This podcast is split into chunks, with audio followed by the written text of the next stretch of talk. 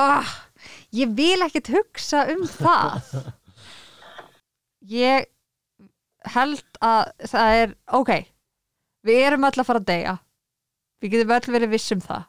En við þurfum ekki að vera alltaf að hugsa um það. Af því að það verður svo leiðilegt þegar maður deyr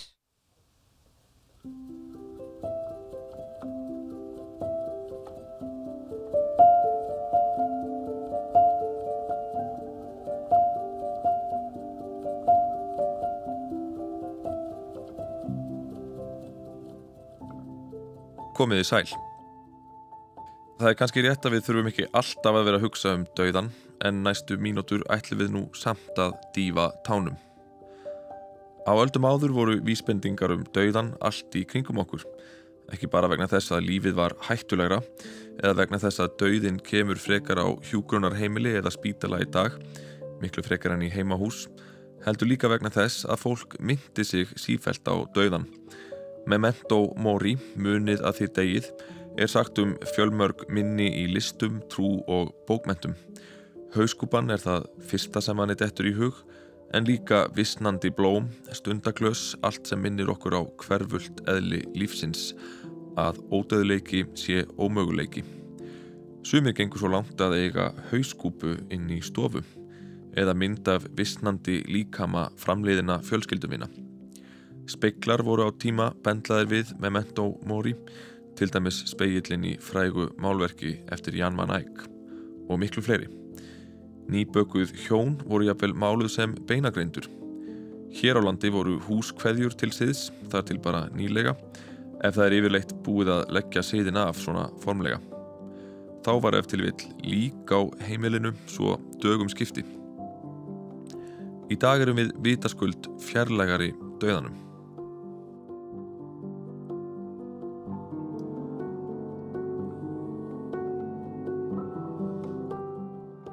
En þetta er ekki söguþáttur og ég er ekki sagfræðingur eða listfræðingur. Þessi viðtöl voru tekin sem rannsóknarverkefni fyrir borgarleikhúsið, svona uppháflega, þar sem ég er að skrifa leikrit.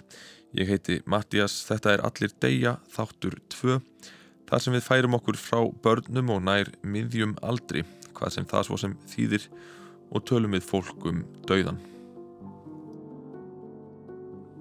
Grínistar deyja. Þáttastjórnendur deyja. Listamenn deyja. Aðdáðandur Bubba Mortens deyja, hundaegandar deyja, plöntuegandar deyja, Allir sem að æfa körubólta deyja, allir siggar deyja.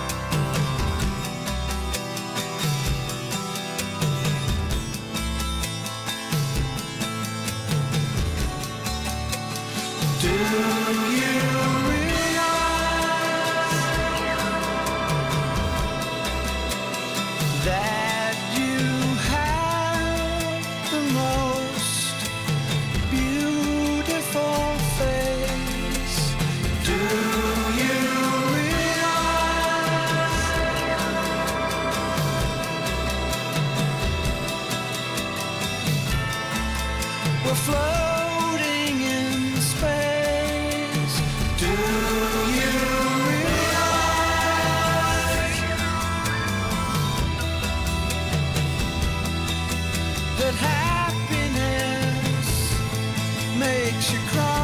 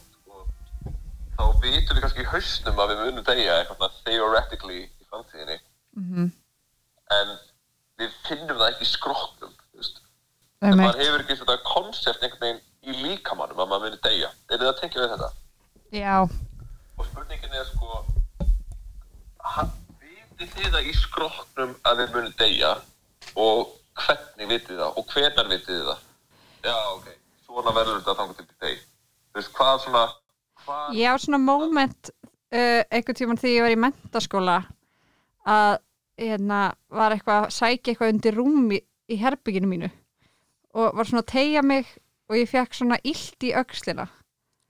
Og þá, það, það var fyrst því, þar sem ég fekk svona tilfinninguna já ég eldist og skrokkurinn mun gefa sig á einhverjum Ó, tímapunkti. vá. já, ég verið svona 18 ára eða eitthvað og ég einmitt er samfæður um það að ma maður er ekki að upplifa sin einn döðleika akkurat núna verandi svona ungur út af hann svo fjarlæða manni en ég er til þess að mjög mikið með fóldur minn núna og það hræði mikið, þeirra döðleiki hræði mér rosalega Já. mikið sko, en ég hugsa alveg, þú veist, það er smá partur af mér sko, óavindandi sem er hugsa sko Pálmi, þú deyrið ekkert, skilur við Já, Pálmi Freyr og Steinei Skúladóttir voru í miklum spjallham þegar ég náði tala af þeim sem var símleiðis vegna sóttvarna. Þau voru nýbúin að taka upp hlaðvarpsþátt sem heitir Einhleip, Einmanna og Erðarlaus sem ég get híklaust mælt með. Þau eru líka hressar típur, grínistar, þáttargerðar fólk, listamenn. Og það er ekki hægt að skilgreina aldurshópin þeirra. Hvorki þeirra nýja minn eigin ef út í það er farið. Ég spurði sérfræðing og það veit enginn hvernig á að flokka æfiskeiðin.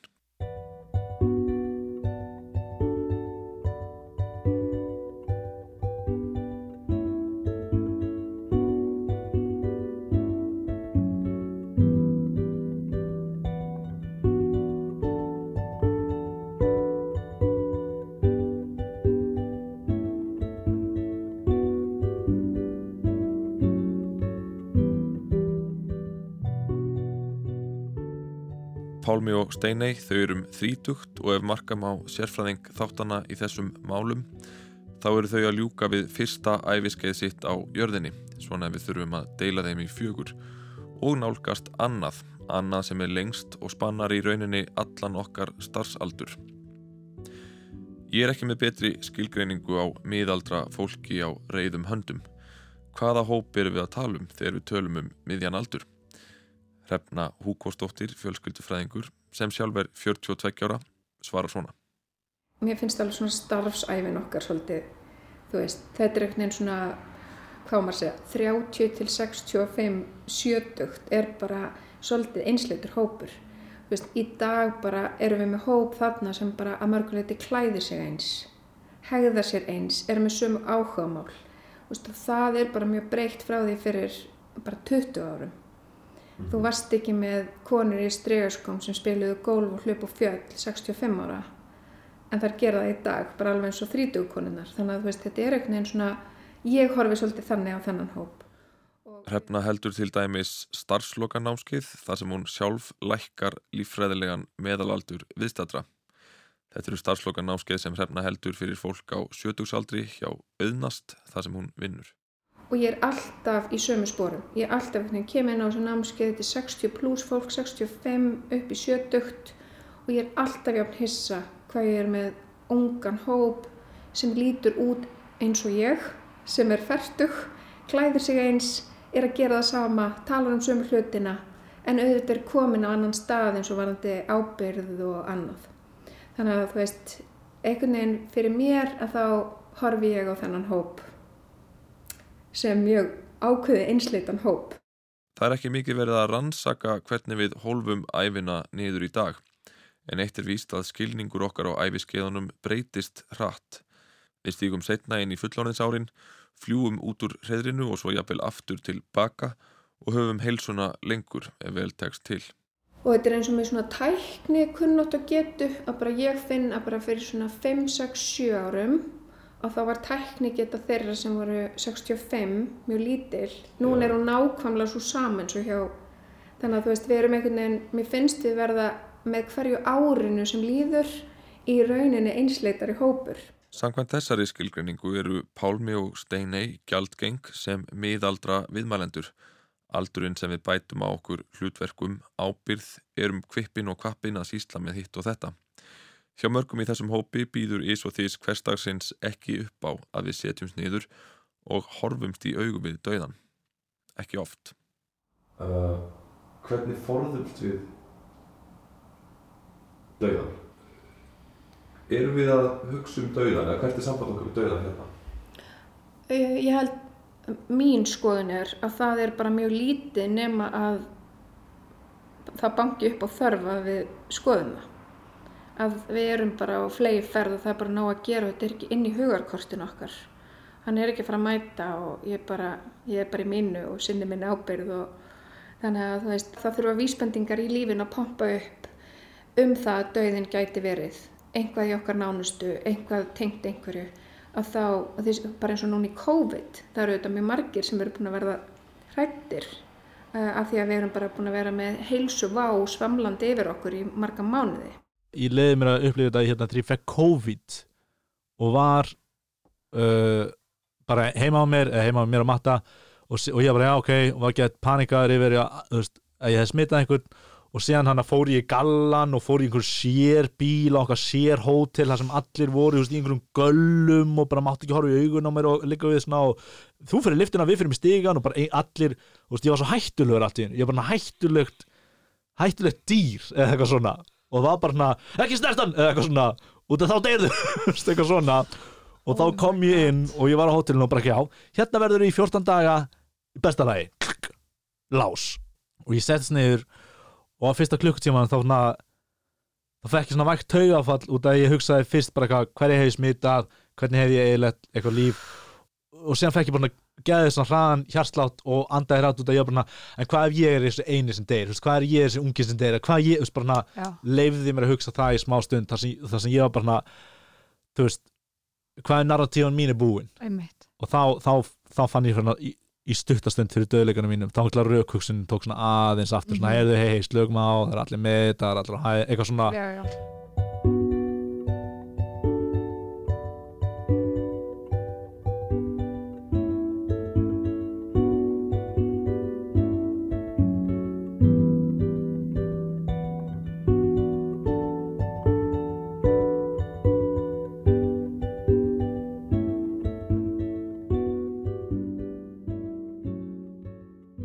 Narratífa Pálma er sem betur fer ekki búin en hefði veirupestinn tekið hann frá okkur, hann Pálma eða hvað sem það verður síðan sem lætur hann kveðja að lokum hvað gerist þá?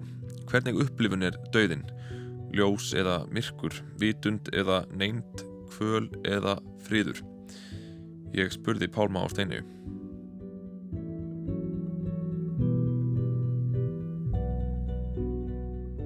uh, mitt svar er stutt þannig að ég held að ég geti kannski svaraði fyrir ég, ég held að, að það verður bara svipuð og mjög leiðileg trú en ég trúi að það verður bara eins og eins áður maður fættist sko. það er bara ég held að maður bara sopni engin draumur og séðan bara veist, hverju er maður. Og e- ekkert gerist. Og maður á ekki eftir að taka eftir út að maður verður ekki maður, það er ekki til að ta taka eftir því Ég er alveg andstæðan. Ég held að sé eitthvað að sé eitthvað meira sko. Veist, og ég veit ekki nákvæmlega hvað það er.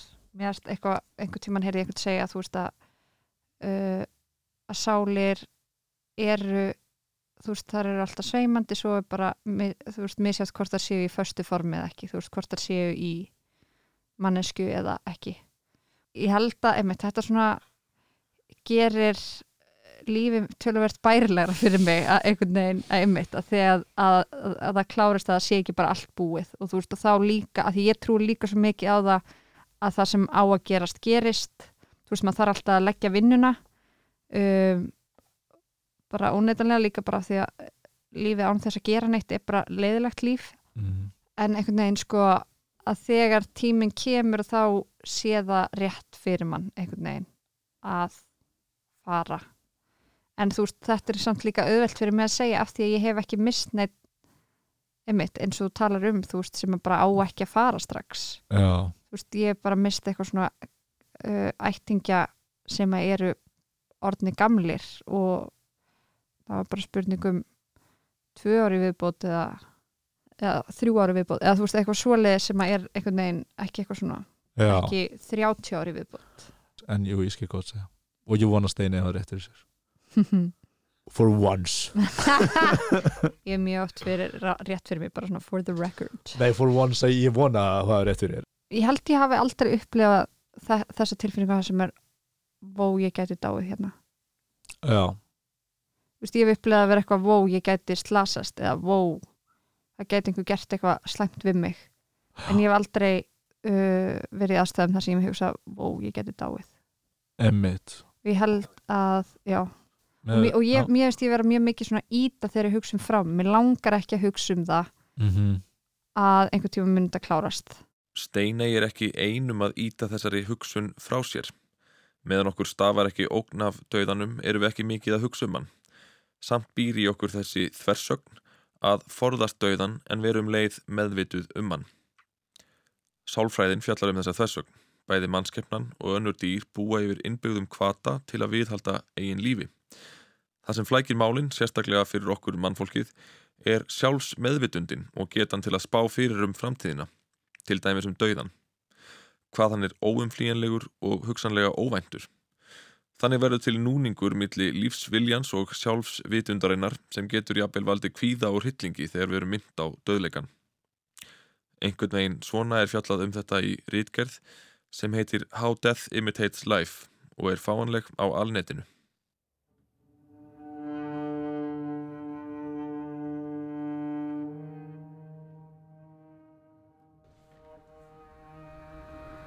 að vera eða ekki vera.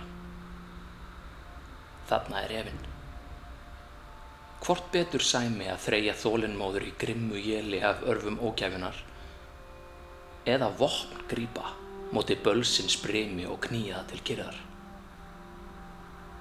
að deyja sopna og ekkert framar.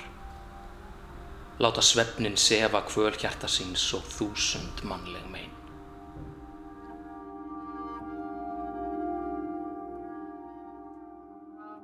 Sigurður Þór leikari er hér að æfa nokkrar velvaldar línur. Sumir segja að leikhúsið sé svo list sem minnir helst á döðleikan, að horfa á döðlega veru leika listir sínar, nærveru leikarans, skinjun okkar á tíma í gegnum leikaran, leikara sem gæti dáið fyrir framann okkur og er í raun að hörna með hverjum andadrættinum. Herbert Blá heitir hann, leikhúsmaðurinn sem sagði eitthvað á þessa leið, að fníkur döðleikans umlíki leiklistina. Ég selði það ekki dýrara en ég kefti það, en ég talaði við leikstjóra um hennar samband við sinn eigin aldur og döðan.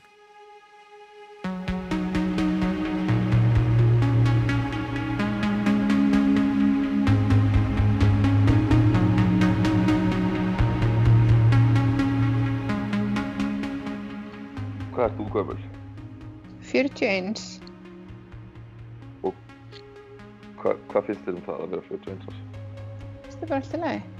Ég hef aldrei verið með eitthvað svona aldurskomplex eða svona, þú veist, ég hef aldrei spáð mikið í það, sko, hvað ég er gömul.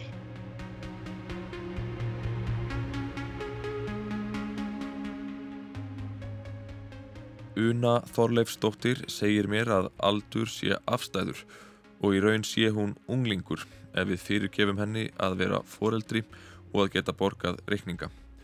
Hún tengir ekki við neitt miðaldra tal.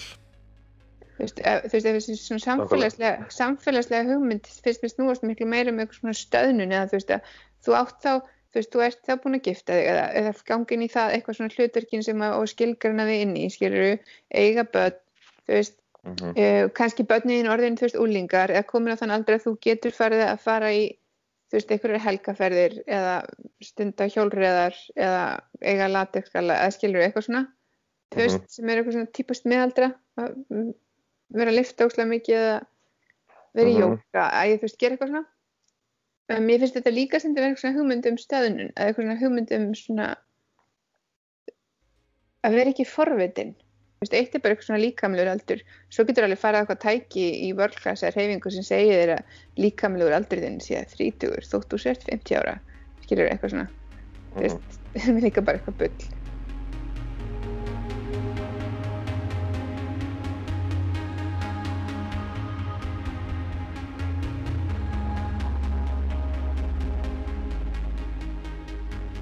Heldur þú að geti gerst að líkaminn taki fram úr manni? Segjum að maður sé ennþá, sko, upplifir sig ennþá miðaldra og sé bara allt í öllu og finnst manni eiga fullt eftir og en síðan verður maður bara gamall. Já, já, það hrörnar. Já, já, það held ég að gerist fyrir alla ég held að, ég held að pappa mínum líða eins og hann sé 20 sko. Heldur þú að skapa eitthvað svona trega eða núning, þú veist, milli... Öruglega, eftir hvernig maður fyrir gegnum það, þú veist, eins og, skilur, nú er ég eitthvað svona kannski á upphafi þess að fara inn í, inn í eitthvað svona breytingaskei, skilur, sem náttúrulega algjörlega umbreytir líkamlega funksjón, hvern líkamanns. Og auðvitað er það sorgarferli líka, skilur, þú getur ekki lengur átt börn, þú veist, það eru svona, svona hugmyndir tengdar því er alltaf að tala um að konur eftir að fara á breytingaskei, þá eru það ósýnilegar, þú veist, þær verða eitthvað meira svona þú veist og auðvitað er það, það er náttúrulega svona breyting á hérna á hugmyndum, þú veist og það, já, það, er, það held ég að verið mjög mikið sorgaferðin fyrir svo eftir hvernig, hvers, hvernig maður mætir í því og hvort maður sjáu tækifæri í svona hlutum eða hvort maður sjáu bara trega. Una trúir ekki á líf eftir dauðan. Við deyjum bara, segir hún. Rannsóknir er ekki á einu máli um það hvort fólk sem deilir þeirri skoðun með henni sé hrættara við dauðan en þeir sem trúa á framhaldslíf og hún viðurkennir að það sé góð spurning. Er dauðin sérstaklega hræðilegur fyrir hana vegna þess að hún er trúleysingi? Ég vona bara að, þú veist, að ég, að ég fái að deyja í sátt. Mann sé ekki kift út, skilur. Þú veist, að ég lendi ekki í bílslýsi eða eitthvað, skilur. Mhm. Þú veist. Frekar, hæ, mamma, ég er aðeins upptekinn. Já. Hérna, já, ég búin að þessi frekar þannig, sko. Mhm. Heldur en að þessi eitthvað með svona En þá held ég að maður fari sáttur saman hvað manni finnst. Mhm. En mann hefur ekkert með að fara. Sér þessi betra að fá döðadóm heldur en, heldur en að lendi bíslýsi. Skilur mig? Já, ef maður er að vinna með það, skilur En rauninni ef maður er ekki næra að vera þakkláttur og markara það sem maður, maður hefur gert er, þá ætti maður að geta farið inn í þetta, eða þú veist, í gegnum þetta í meiri þakklæti fyrir það sem, í staðan fyrir að vera í eftirsjáni við því sem maður gerði ekki, að vera þakkláttur fyrir það líf sem maður lifði og þær ákvæmna sem maður tók. mhm. En ég held að það sé svona eilíðar verkefnið, sko. En við lifum náttúrulega í svo markmiðstrifnu samfélagi, þú veist að það er alltaf eitthvað nýtt og nýtt og nýtt og nýtt og það er eitthvað nýtt og betra og meira og stærra og flottara, skilju, og það er svo erfitt að segja bara nei, just, ég er bara, þetta er bara fínt hérna. Já, það er fátt eins andkapitalist og að vera sátt með lífið, segir Una. Við tökum væntalega öll undir það og vonum að hún finni sáttina og lendi ekki í bílslisi. Talandi um markmiðstrifin samfélög þá er vestræn menning í heilsinni sögð vera þannig að hún afneitar í raun döðanum frekar en aðrir menningar heimar sem staðfesta og samþykja döðan. Þessi aðgreining er teiknuð upp í sömurít gerð og var nefnt hérna áðan og til dæmis nefnt að Ástralir kvíði frekar döðanum en Malasíu búar, svo dæmis ég tekið samkvæmt einni konnuninni. Efnisíkjan stýri frekar ferðinni á Vesturlöndum en víða annar staðar, döiði líkamanns frekar túlkaður sem döiði sjálfsins, döiðin frekar túlkaður sem endalok en umbreyting.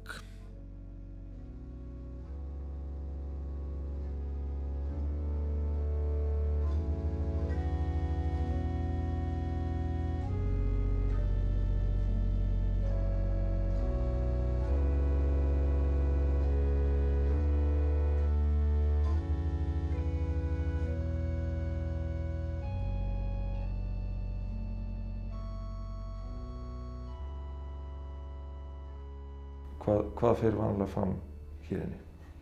Hér komum við til að sína aðstandendum kisturnar og við erum líka með, með líklæðina því að við leggjum mikla áherslu á að aðstandendur fá að, fá að koma við kistuna og sjá þannig að ekkert komið þeim óvart og þetta er oft svo stund sem það sem tárin fara, fara að trilla þá verður þetta svo raunverulegt að sjá líkistuna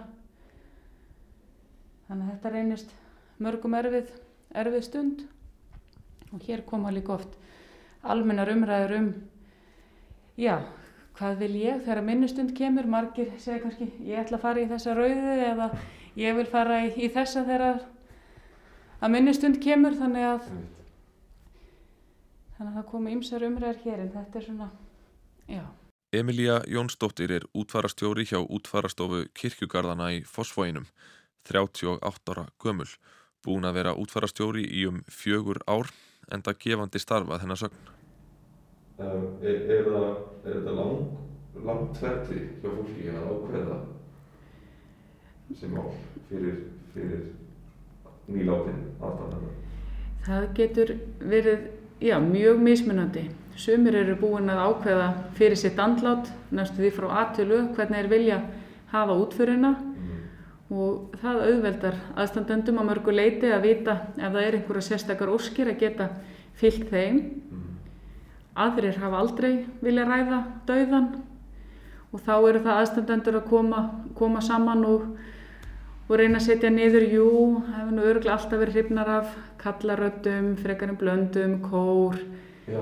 eða ætla vilji nú ekki fara í sparifötunum eða hann frekar að fara í golftreyjunni þannig ýmsar þessar vangaveltur sem koma, koma upp því að allir eru að vanda sig að hafa útföruna sem fallegasta og hafa virðingu og það er óháð öllum trúarbröðum og óháð líka fjölskyldutengslum að jafnvel þegar það koma aðstandendur þar sem hafa kannski ekki verið neinn samskipti í mörg, mörg, mörg ár eða ósætti Já. að þá er það samt markmiðið að þetta er svona, já, þessi siðferðslega skilda að, að fá samt virðulega útför þrátt fyrir að það hefur kannski verið mikið ósætt og lítið samband en, en já, hverjustundin verði samt virðuleg. Emilía er mjög svona fagmannleg í fasi þar sem við sitjum inni á skrifstofu hjá henni og ræðum þessi mál. Milli okkar er bæklingur sem ástendur hinsta ósk til þess að gestir geti fyllt út óskir um sína eigin útför. Þetta er eins konar eigðublað um lit á kistu, fatnað, tónlist, prest eða ekki prest, staðsetningu, hvað af þessu fjölskyldan megi bara ákveða og svo er reytur mertur nánarum aðtöfnina. Emilía er dæmi um mannesku sem forðast ekki dauðan þótt hún sé vesturlandabúi. Hún vinnur við hann eða í kringum hann. Ætli starf útfarastjóra breyti sínmanns á það að vera döðlegur. Það, það vissulega, það, já, það hristir, það hristir upp í manni, þetta svona minnja mann á hverjum degi að þetta er ekki óumflýjanlegt. Við förum öll, öll þessa leið að deyja og auðvitað væri maður mjölmenni ef, ef, ef það myndi ekkert snerta mann sem að sæja upplifaði í þessu starfi að vera með grátandi fóreldra sem er að missa, missa badsitt að, að sjálfsögðu hefur það áhrif en við erum samt í því að við fáum oft á spurningu hvernig er að vera í þessu starfi, er þetta ekki erfitt? Og jú, að vissulega tekur það á, á á stundum en við erum samt í þeim spórum að við erum ekki að missa ástvinn okkar. Sorgin eru auðvitað þingst fyrir ástvinaðina en við erum, eins og ég segi stundu, við erum stuðningsæðili, við erum að reyna að leiðbina og hjálpa og létta undir með því til dæmis að planta blóm eins og fólk þurfi ekki að fara í blómabúðina og, og sinna ýmsum praktiskum atriðum því að sorgin er nú. Öll hinn verkefnin eru bara íþingjandi til viðbútar en margir finna styrkið í sorginni að fara sjálfur og velja blóm og þá sjálfsögðu er það velkomið. En þannig að það er svona, já, þetta minnir mann á að, að vera þakklátur fyrir það sem maður, maður hefur því að þetta er svo sannarlega ekki sjálfgefið að maður fá að sjá morgundaginn.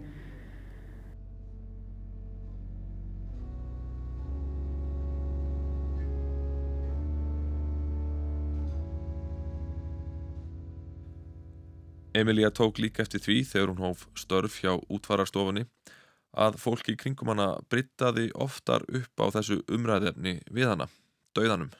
Af því að dauðin er tabú, að það eru alls ekkert allir tilbúinir að, að ræða dauðan, að þá er, er komið svona, já þá veit fólk að ég er að vinna við andlát og, og skipulegnu útferðar alla daga, þá veit ég að ég fyrir ekki baklás þó að sé verið að ræða dauðan við mig. Og margir fara þá að einmitt að spyrja spurninga, segja frá sinni reynslu af döðsföllum og jafnvel að ef það eru einhverjar mýtur í gangi og annað er það satt að da da da da da. Og fara, og fara að hérna fara að velta, hérna, velta fyrir sér að eins og sumir eru mjög mikið að hugsa um um að vera ekki kviksettir. Er það alveg öruglega, er maður alveg öruglega dáinn? Er, er maður ekki inn í líkskáp og, og þannig að það eru sumir og spurning hvort að það tengist líka eitthvað, eitthvað bíómyndum Já, já, já. þannig að það koma alls konar spurningar en, en líka praktiska spurningar eins og hvað mega mörg duftker vera eða mega duftker vera í kistuleiði og þá hvað mörg má maður ráði hvað fötum maður er og má giftingarhingunum fylgja og þannig oftast er það svona praktískar spurningar og að ræða við sínar, sínar upplifanir en svo einstöku sinni koma líka þessari með dvangaveldu sem fólk er með og þá er ágætt að geta, geta þá svara þeim. Fyrst þegar ég ringdi í útfarastofuna í leitað viðmælanda þá spurði ég ekki eftir útfarastjóra heldur líksnirti talandum áhrif frá bíómyndum. Starfsmæðurinn sem svaraði þá í síman upplýsti mig kurtisislega um að þann starfstitil ber engin hjá þeim, engin líksnirtir. Útfarastjórarnir búa sjálfur um þá framliðinu. Það var sannilega í leikriti sem ég heyrði þetta orð, líksnirtir, leikriti eftir Tyrfing Tyrfingsson sem hétt Helgi Þór Robnar, þar sem titilpersonan bar þetta starfsheiti, ólíkt Emilíu útfarastjóra. Hvernig breytir það síninni á döðleikan og, og bara mannslíkamann að þú veist, Já. að meðhandla látin einstakling? Já, þá náttúrulega sér maður að það einmitt, að geta, einmitt, og geta oft komið einmitt breytingar og, og annað ef langt er liðið frá andláti. En það er samt að, að fyrir mig þá trublar það mig minna heldur en ég held. Ég held að mér myndi finnast það erfiðara. En þetta er í rauninni, þetta er einstaklingu sem maður er að, er að klæða og, og búa um að já, maður er ekki að, að fókus á, á, á líkamann eða, eða eitthvað svoleiðis heldur, maður er að klæða við, viðkomandi og það er verið snirt og búa, búa um þannig að þrátt fyrir að séu, séu komna breytingar á líkamannum eða lítabreytingar eða annað að já, þá er það ekki að, að trubla maður því að maður er ekki að með fókusinn, fókusinn þar. Þetta er ekki eins og víða í bandaríkjunum, segir Emilia, það sem rótvarnarefnum er dælt í hinn látna, svo lesa líkið jafnvel rótnar ekki fyrir en löngu eftir að það er komið í jörðina. Hún segir líka að þeir sem á annað borð starfa hjá útfararstofum eru með langan starfsaldur, annað hvort á starfið við þig eða ekki. Þetta er ekki eitthvað svona held í starf sem þú getur verið að býta bara á jakslinn og, og goslast í gegnum þetta. Þú, þar, þú þart að gefa af þér það er þessi nærverð, þú ert alltaf að mæta sirkjendum á þeirri vestu stundu. Það er að kveðja ástvinn að þú mátt ekki vera að fara í panik sjálfur og finnast þetta allt of erfitt og þegar þú þart að styðja aðstandendur.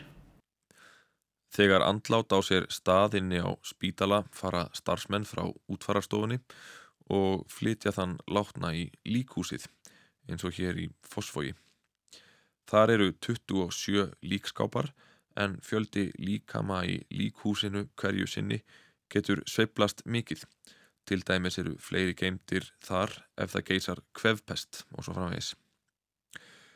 Þegar viðtal við útfarastjóra er búið að eiga sér stað, búið að velja fatnað og kistu, er viðkomandi sóttur í kæli, búið um hann, viðkomandi klættur, greittur og snirtur, þanga til hann er tilbúin til kistulagningar.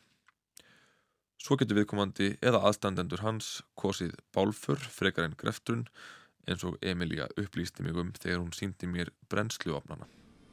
Og sko, ég get ekki komist hjá því að lýsa svona einhverju svona já, svona magnari tilfinningu að koma inn á bakvið með þér. Mhm. Hvernig, hvernig upplifir fólk svona, almennt að verða vitnið að þessu svona gangverki döðans? Já. Já, það er náttúrulega, þetta er eitthvað sem aðstendendur náttúrulega sjá ekki, þeir koma ekki hingað inn í bólstofunni og, og annað en, en þetta er einmitt þegar maður er að upplifa þetta í, í fyrsta skipti og maður, maður hafði ekki leitt hugan að því hvernig bólfur færi fram, hvernig eru, eru opnar. Já.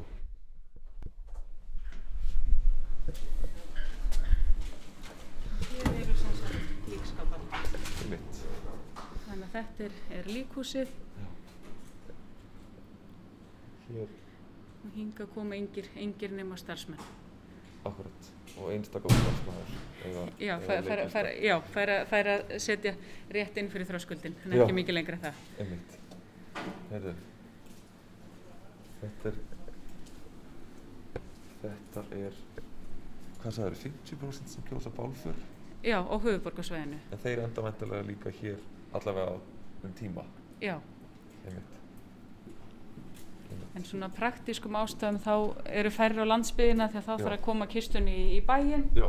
Þannig ég held að sé ekki út af því að sé einhver munur á milli Já. landsvæða heldur bara svona praktíst.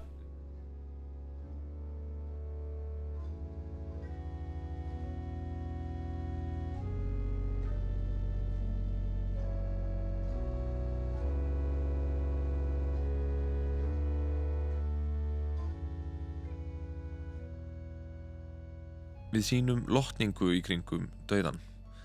Það upplýði ég að minnstakosti þegar ég steig baka til með Emilíu og sá líkhús, eins og það stíga í helg við. En svo rann upp fyrir mér þar sem ég sá prest, hljóðfæraleikara, aðra útfarastjóra og starfsmenn, kollega Emilíu, að þetta er líka vinnustadur eins og hver annar. Hjól atvinnulífsins snúast hér eins og annar staðar, nema hér snúast þau um dauðan. Það er oftast við andlátt sem fólk fer að huga að sínu eigin, eins og með kistur, hvernig kistu myndi ég vilja, myndi ég vilja bálfur og annað. En, og oft kemur líka fólk bara, ég, ég man ekkert hvernig blóm eða voru blóm hjá mömmu þegar hún var að því að allar ákvarðanar eru teknar í sorg. Útfarir eru ofta að fara fram viku, tíu dögum upp í tveimur vikum eftir andlát. Þannig að fólk er bara í fyrsta fasi sorgaferlinu og er þá að taka allar ákvarðanir.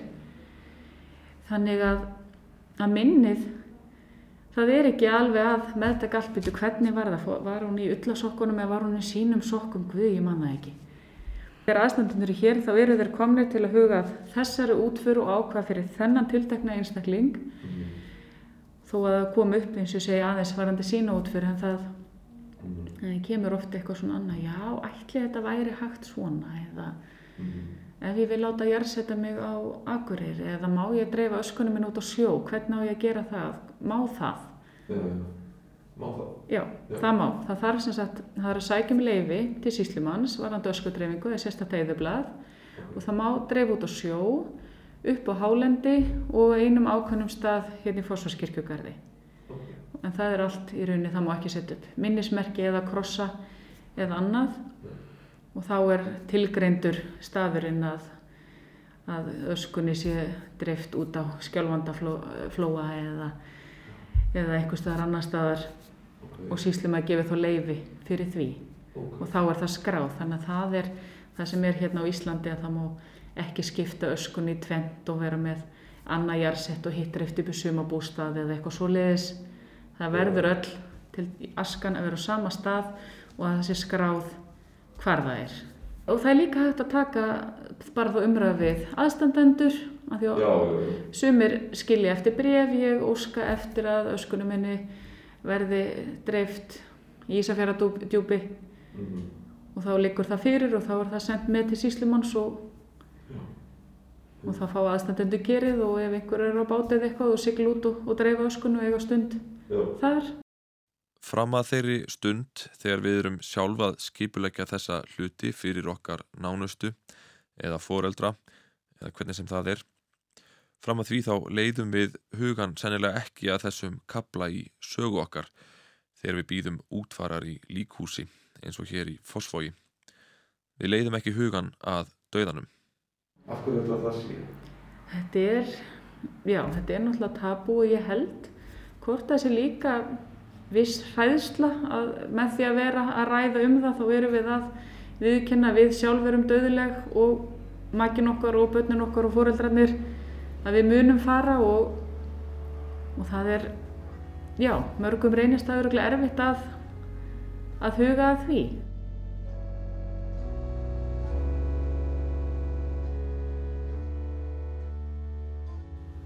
Læknar deyja og manneskjur deyja. Atvinnumanneskjur krónunar deyja. Markmenn deyja.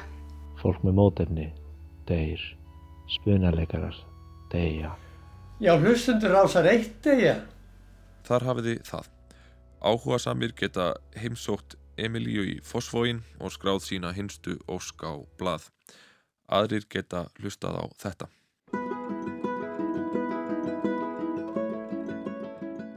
Annars látum við þetta gott heita í byli.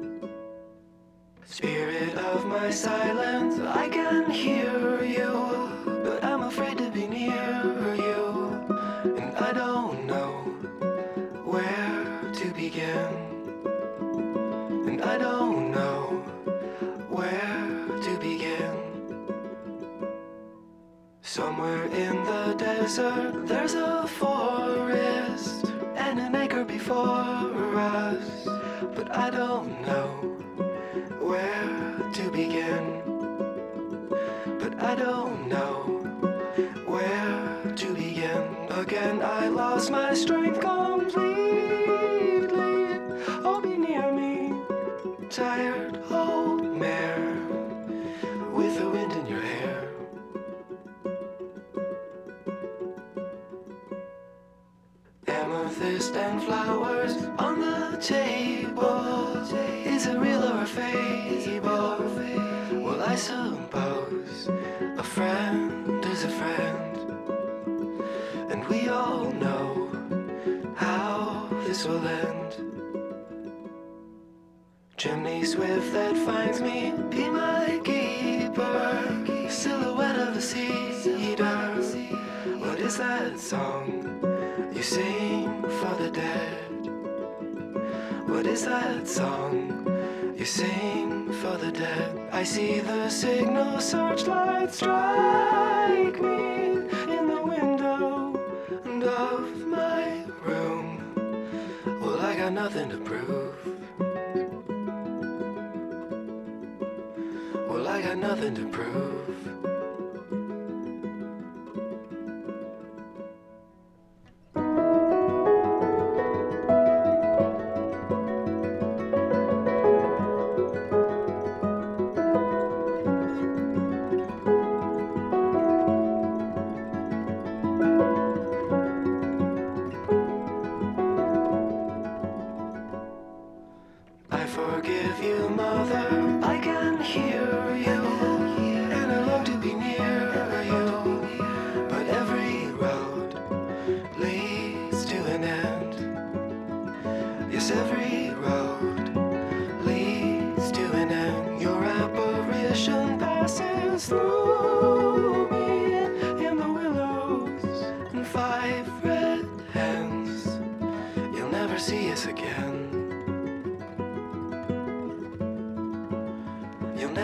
this again.